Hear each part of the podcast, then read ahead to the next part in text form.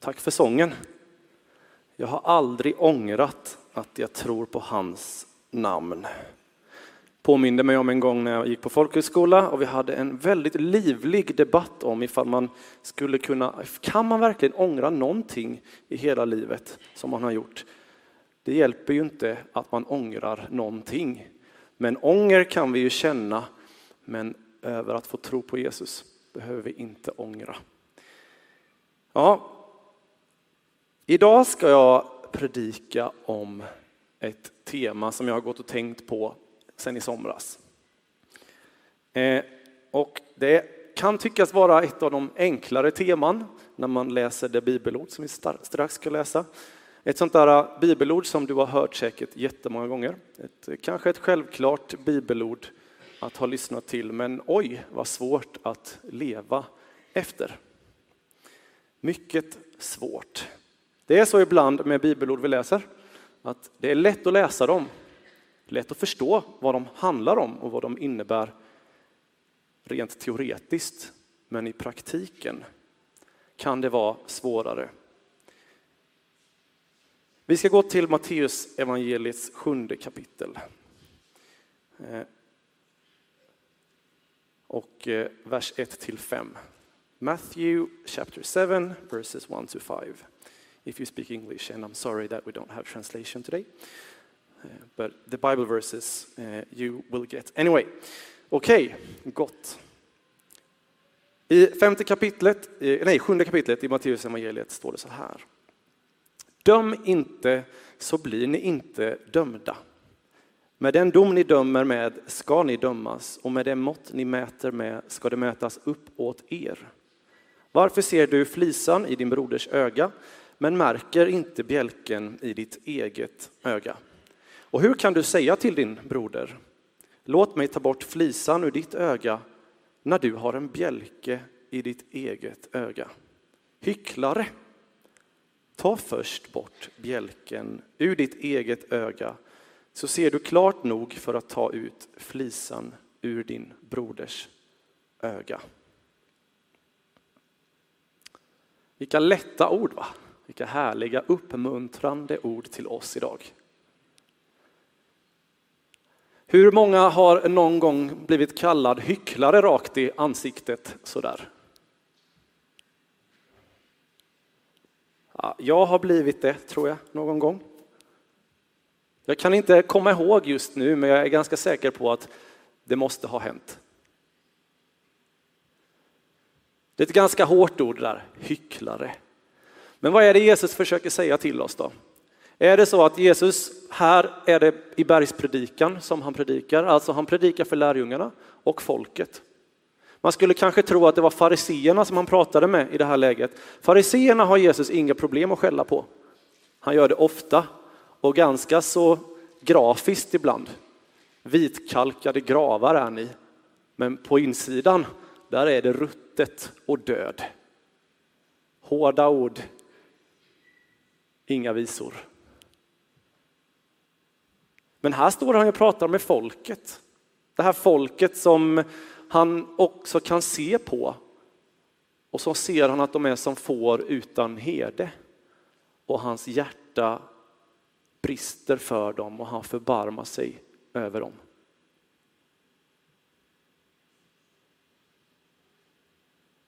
Jag tror att det här är någonting som Jesus vill lära oss. Någonting som faktiskt inte är särskilt vanligt bland oss människor. Någonting som faktiskt rent ut är ovanligt. Att vi har en sådan attityd gentemot varandra som Jesus här försöker ge oss. Det där ordet döm inte, det är kanske den bibelvers som citeras mest i vår värld. Jag vet inte ifall du har stött på det. Jag stöter på det alltid och jämt bland människor som gillar att säga döm inte. Och sen stannar de där. Det är ett av de absolut mest citerade bibelorden, men, och det citeras ofta av de som kan minst om Bibeln också. De kanske inte har läst Bibeln alls, men det vet de att i Bibeln står det döm inte. Eller hur? Döm inte.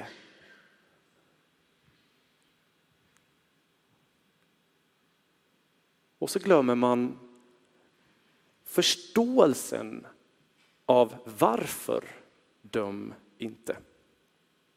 För ofta är det så att jag upplever att även de som säger döm inte också är ganska snabba att döma själva efter sina egna måttstockar. Och egentligen så är det problemet är inte, inte att, att man inte ska döma utan problemet är att de tycker att vi har fel eller du har fel. Och så säger de döm inte. Men när man själv då uttrycker någonting så kan man få tillbaka ett ganska vast. Att du är ju religiös fundamentalist eller du är ju ja, hjärntvättad har jag hört också. Du som tror på det där och så vidare och så vidare. Det här med att inte döma efter våra egna måttstockar, det är en utmaning.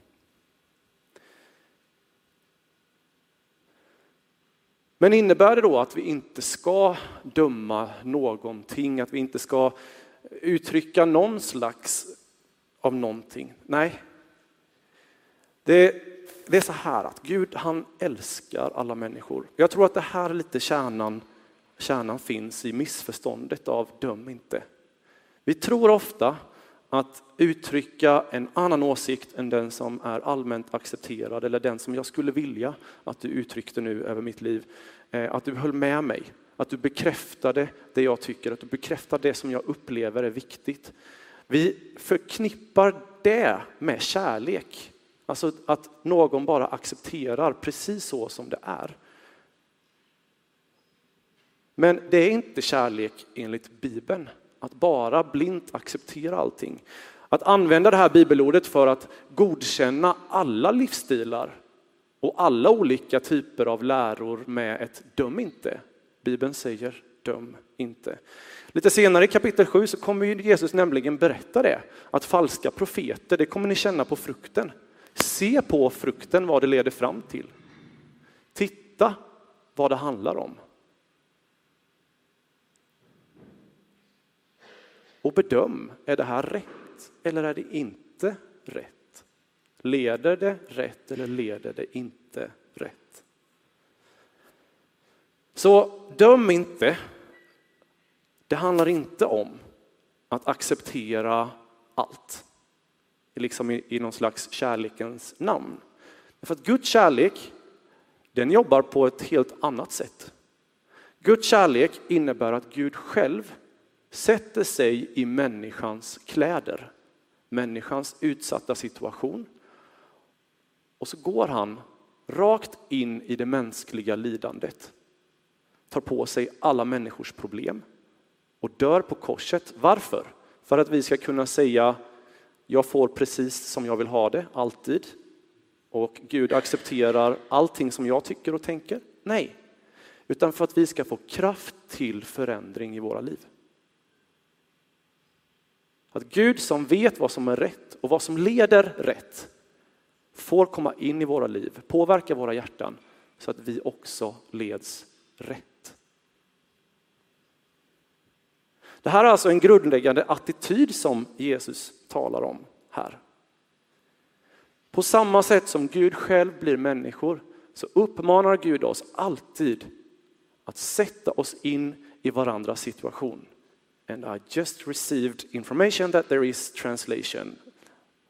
I think we'll give, give a hand to our translator up there. Tack så mycket. Vi fick precis tolk, vad bra. Eh, fantastiskt. Be och ni ska få, eller hur är det? Det står också här strax efter det här stycket. Fantastiskt. Så Guds kärlek leder upp på korset. Gud sätter sig in i människans situation och så kallar Gud oss att alltid försöka sätta oss in i varandras olika situationer. Alltså inte mäta andra människor utifrån våra egna måttstockar utan se på människor med Guds ögon utefter deras förutsättningar, utefter deras situation och sedan mäta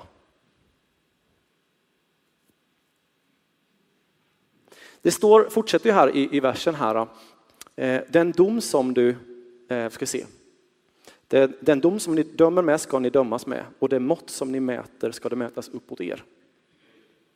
Det, i, I den här attityden också, om, om vi talar lite jag, jag läste någonstans att i judisk tradition och tolkning så menar man att Gud har två stycken måttsnören. Okej. Okay. Alltså måttband. Okay. Ni ser det framför er, två stycken sådana här måttband. Det ena, det handlar om det som är rätt. Rättvisa och rätt. Sen har du ett till måttband som är nåd. Har ni hört uttrycket att låta nåd gå före rätt? Det stod det på en sån där mugg som jag hade. Eh, mitt namn Daniel stod det på muggen och det betyder Gud är min domare. Och så stod det att, eh, att Daniel är en person som babababa och så glömmer han och kommer, han kommer sent och glömmer och massa saker. Det passar jättebra på mig. Men så står det också, han låter ofta nåd gå före rätt. Så om ni känner mig och vet det så vet ni att jag har inte koll på allting och jag kommer ofta sent. Eh, men det gör också att jag, jag blir inte särskilt irriterad ifall någon annan blir sen, för jag känner mig själv. Eh, och nu säger jag inte att jag, är, att jag har förstått allt det här som jag predikar om nu. Det gör jag inte. Men den attityden, att känna sina egna brister, att ha gått till sig själv och så också bygga förståelse för att andra människor också brister. Och det här hörni, det är en bristvara i vårt samhälle. En enorm bristvara. Det räcker att titta bara på senaste valrörelsen. När vi medvetet försöker missförstå varandra. Det är någonting som jag blir så fruktansvärt frustrerad över när jag ser. Hur vi gång på gång på gång misslyckas med att försöka förstå någon annans perspektiv. Politikerna är värst på det. Därför att de vet precis vad som är deras agenda. Och målet är inte att komma framåt någonstans, utan målet är att vinna.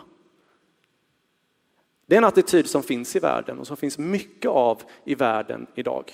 En attityd som Gud faktiskt kallar oss bort ifrån i det som han säger här. Vi som gemenskap, vi är kallade att vara en annorlunda gemenskap som pekar på någonting annat än det som världen pekar på.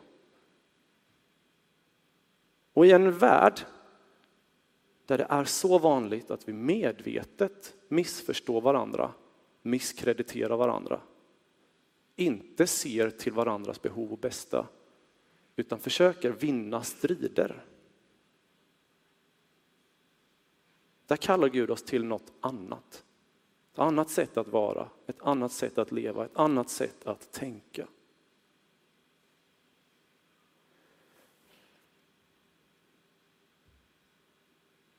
En attityd där du hellre önskar fria någon än att fälla. Där du försöker se det positiva först innan du dömer en människa eller bedömer deras handlingar. Och så kommer då den här bilden som Jesus använder. En väldigt absurd bild. Jag menar, en flisa i ögat, det kan vi nog föreställa oss hur det är. Hur många har någon gång fått någon typ av sandkorn i ögat någon gång? Jag har varit mycket på Öland, på Böda, Bödagården, Sveriges finaste sandstrand. Är det någonting man ska akta sig för är det att få den sanden i ögonen. Vi hade en kille som hade fått ett sånt sandkorn i ögat. Eh, och vi, vi la honom inne på köket, alltså köksön i liksom restaurangköket, sent en kväll när vi hade stängt, för han kunde inte få bort det här sandkornet. Och han, han var så röd och svullen och han, liksom, tårarna bara rann och rann och rann. Men det gick inte, så vi fick lägga honom där, plocka fram den här eh, ögonsköljsflaskan vi hade i medicinkittet och så försöka tvinga upp ögat och spola och spola, hur obekvämt det än var. För den där sandkornet måste ut. Hur illa kan det vara i ögat att ha en liten, liten flisa? Det kan vara så, så illa. Det räcker med en liten ögonfrans eller när jag ibland rakar skägget med en trimmer så skvätter det upp i ögat och så får jag stå och blinka i en timme. Vi kan föreställa oss precis hur det där är. Men en bjälke, eller som det står på engelska, en planka. Kan ni föreställa er någon som har en bjälke i ögat? Hur ser det ut? Det är ju helt absurt, vilken överdrift. Det här kallas för en hyperbol för er som gillar retorik. Alltså en medveten retorisk överdrift för att göra en poäng.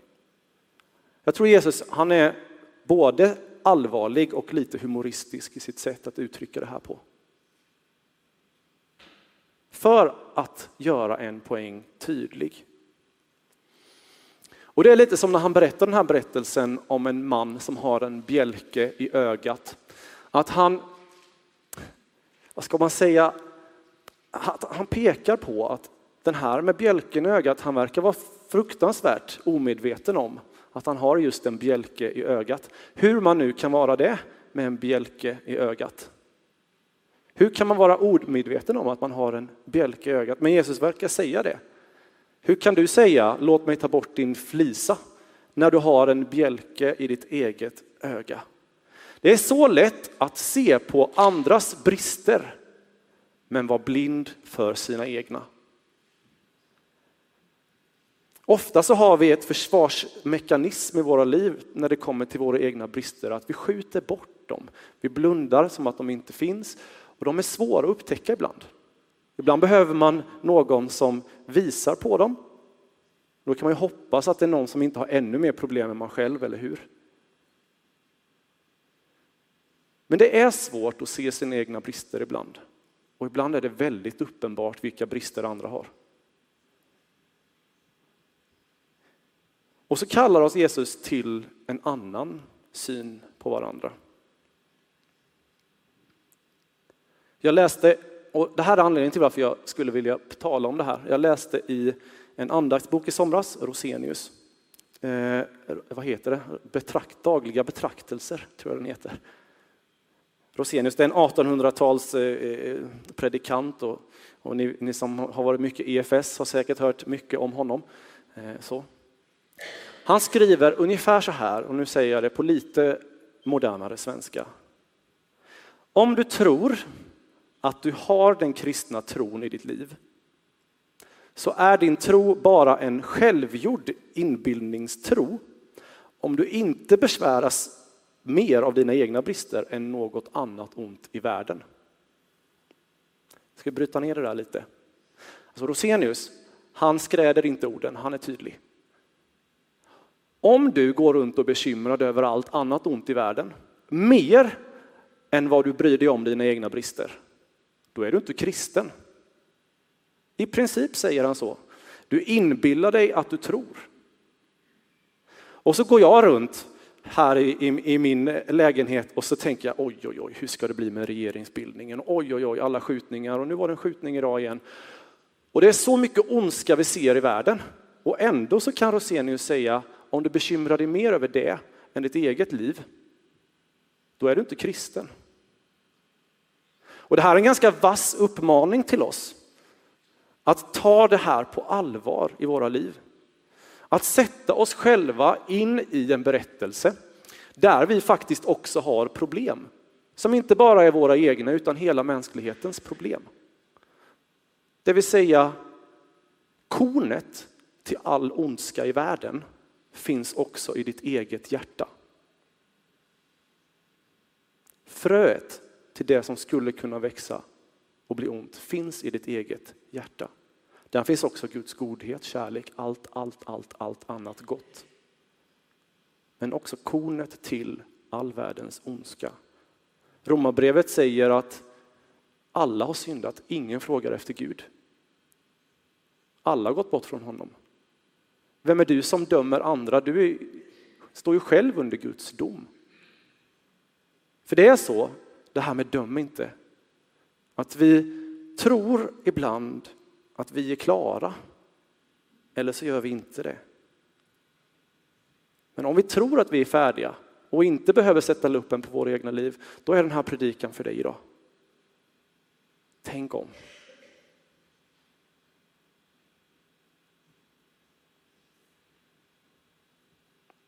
Jesus kallar oss till att se över vår attityd i våra liv gentemot andra människor. Att först och främst ha vårt hjärta rätt inför Gud. Först och främst.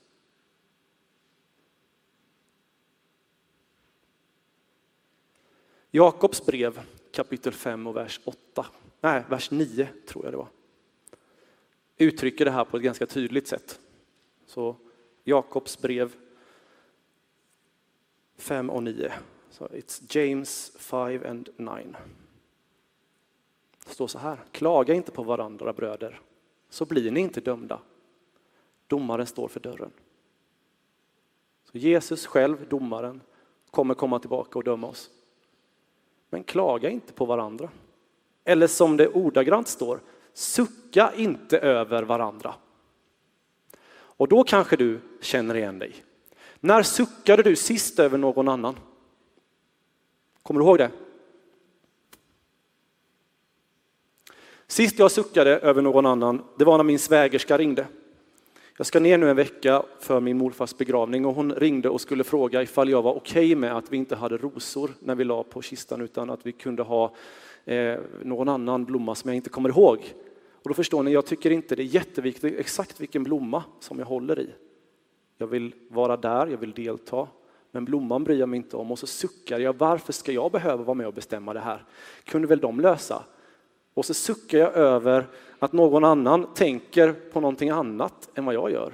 Tycker någonting annat är viktigare än vad jag tycker är viktigare. Är det någon som har kommit in i de här lokalerna någon gång och sen suckat över att det står någonting i vägen första som händer när man kommer in? En vagn med mat eller, eller någonting annat som de har glömt plocka bort från, från matutdelningen på onsdagar. Eller någonting annat sådär. När vi ska renovera den här kyrksalen så tycker alla olika och oj vad vi suckar över varandra. Eller hur? Eller hemma, när någon inte har stängt luckorna till skåpen. Då förstår ni hur lätt det är att sucka över varandra. Och hur svårt det är att ha ett perspektiv där vi försöker anstränga oss och sätta oss in i någon annans perspektiv. Jag stänger inte luckor så ofta hemma, men det är för att jag alltid är på väg någon annanstans i huvudet. Jag ska ju äta den där mackan som jag just plockade ut. Så tänker jag inte på, ja, så är det. Vi är olika och alla människor är olika. Alla människor har olika erfarenheter. Det gäller de goda erfarenheterna, men det gäller också de enormt svåra och tragiska erfarenheterna. Och allt det där formar oss och påverkar hur vi är i gemenskap med andra. Påverkar hur vi reagerar när någon kommer och talar till oss. Och så tog jag min tolkning direkt och så blev jag arg och upprörd. Men den personen menade inget ont.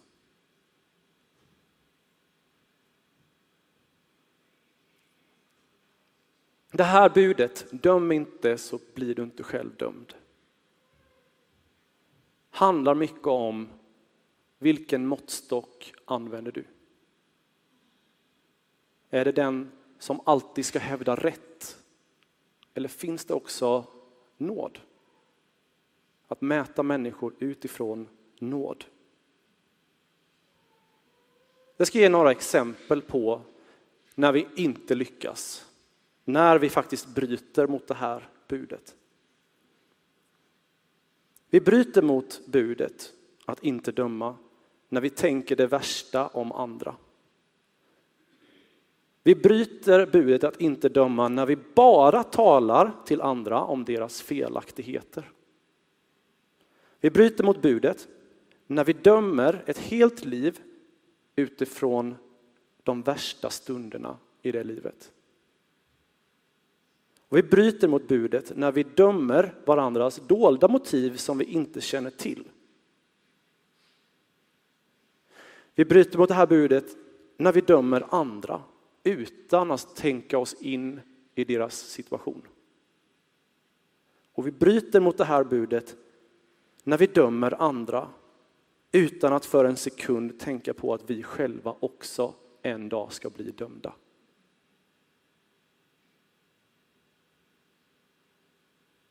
Det är mycket lättare att haka på känsloströmningar, drev och allt annat som pågår runt omkring oss. Så mycket svårare att vara generös. Men jag tror att det är det som vi behöver göra. Jag tror att det är en uppmaning till vår församling, till dig som person kanske som sitter här. Att ta ett nytt tag med den där generositeten gentemot andra. För har du blivit mött någon gång, inte utifrån dina värsta sidor utan ifrån faktiskt dina bästa? Är det någon som någon gång har sett bortom det som du kanske känner just nu att jag är värdelös för att, för att, för att. Lyft upp dig ur det och sagt någonting gott som de har sett om dig. Har du varit med om det någon gång? Vad gjorde det med dig? Det är nåd. Det är goda nyheter till en värld som strider och bråkar över att vinna strider. Kämpa för att ha rätt. Det är det vi ska göra som församling. Det är den attityden vi ska leva och visa gentemot andra. Ta ett steg tillbaks. Varenda gång du känner den där känslan att ah, nu vill jag sucka. Ta ett steg tillbaks. Försök förstå. Sätt dig in. Dra inte förhastade slutsatser. Och så bygger vi en atmosfär där vi är generösa mot varandra. Där också människor kan känna generositeten i sin, över sina egna liv. En plats där människor vill vara. Där de blir accepterade. Inte för allt de gör eller tänker, men för det värdet som de bär på som människor. Och där kommer jag säga Amen. Tack Gud för att du vill tala till oss idag. Tack för att du vill tala till mitt liv och till församlingens liv och till var och en som sitter här idag och var och en som kanske också lyssnar hemifrån. Jag ber Gud konkret att du ska hjälpa oss med våra attityder i mötet med andra. När det kommer till människor som vi har på jobbet som vi inte klarar av eller när det gäller saker hemma vid i relationer som, som är kämpiga. I förhållande till våra barn, till våra syskon, svägerskor, församlingsmedlemmar, vänner. I alla relationer vi har Gud. Främlingen som vi möter på gatan. Hjälp oss att ha en generös attityd, ett älskande, kärleksfullt hjärta. Som också inspirerar människor till förändring. Som hjälper oss till förändring Gud. Att du blev människa för att jag skulle få förvandlas. Du dog på korset för att jag skulle få förlåtelse för mina brister. För att du skulle upprätta mig. Tack för att du Gud vill ta bort det kornet som finns i mig av ondska. Och ge mig kärlek, glädje, frid, tålamod, ödmjukhet, mildhet, godhet, självbehärskning Gud. Gör det i mitt liv Herre. Herre Jesus, jag ber det.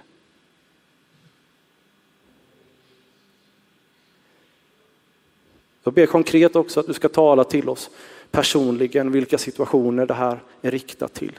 Påminn oss Gud om, om det här bibelordet i vardagen.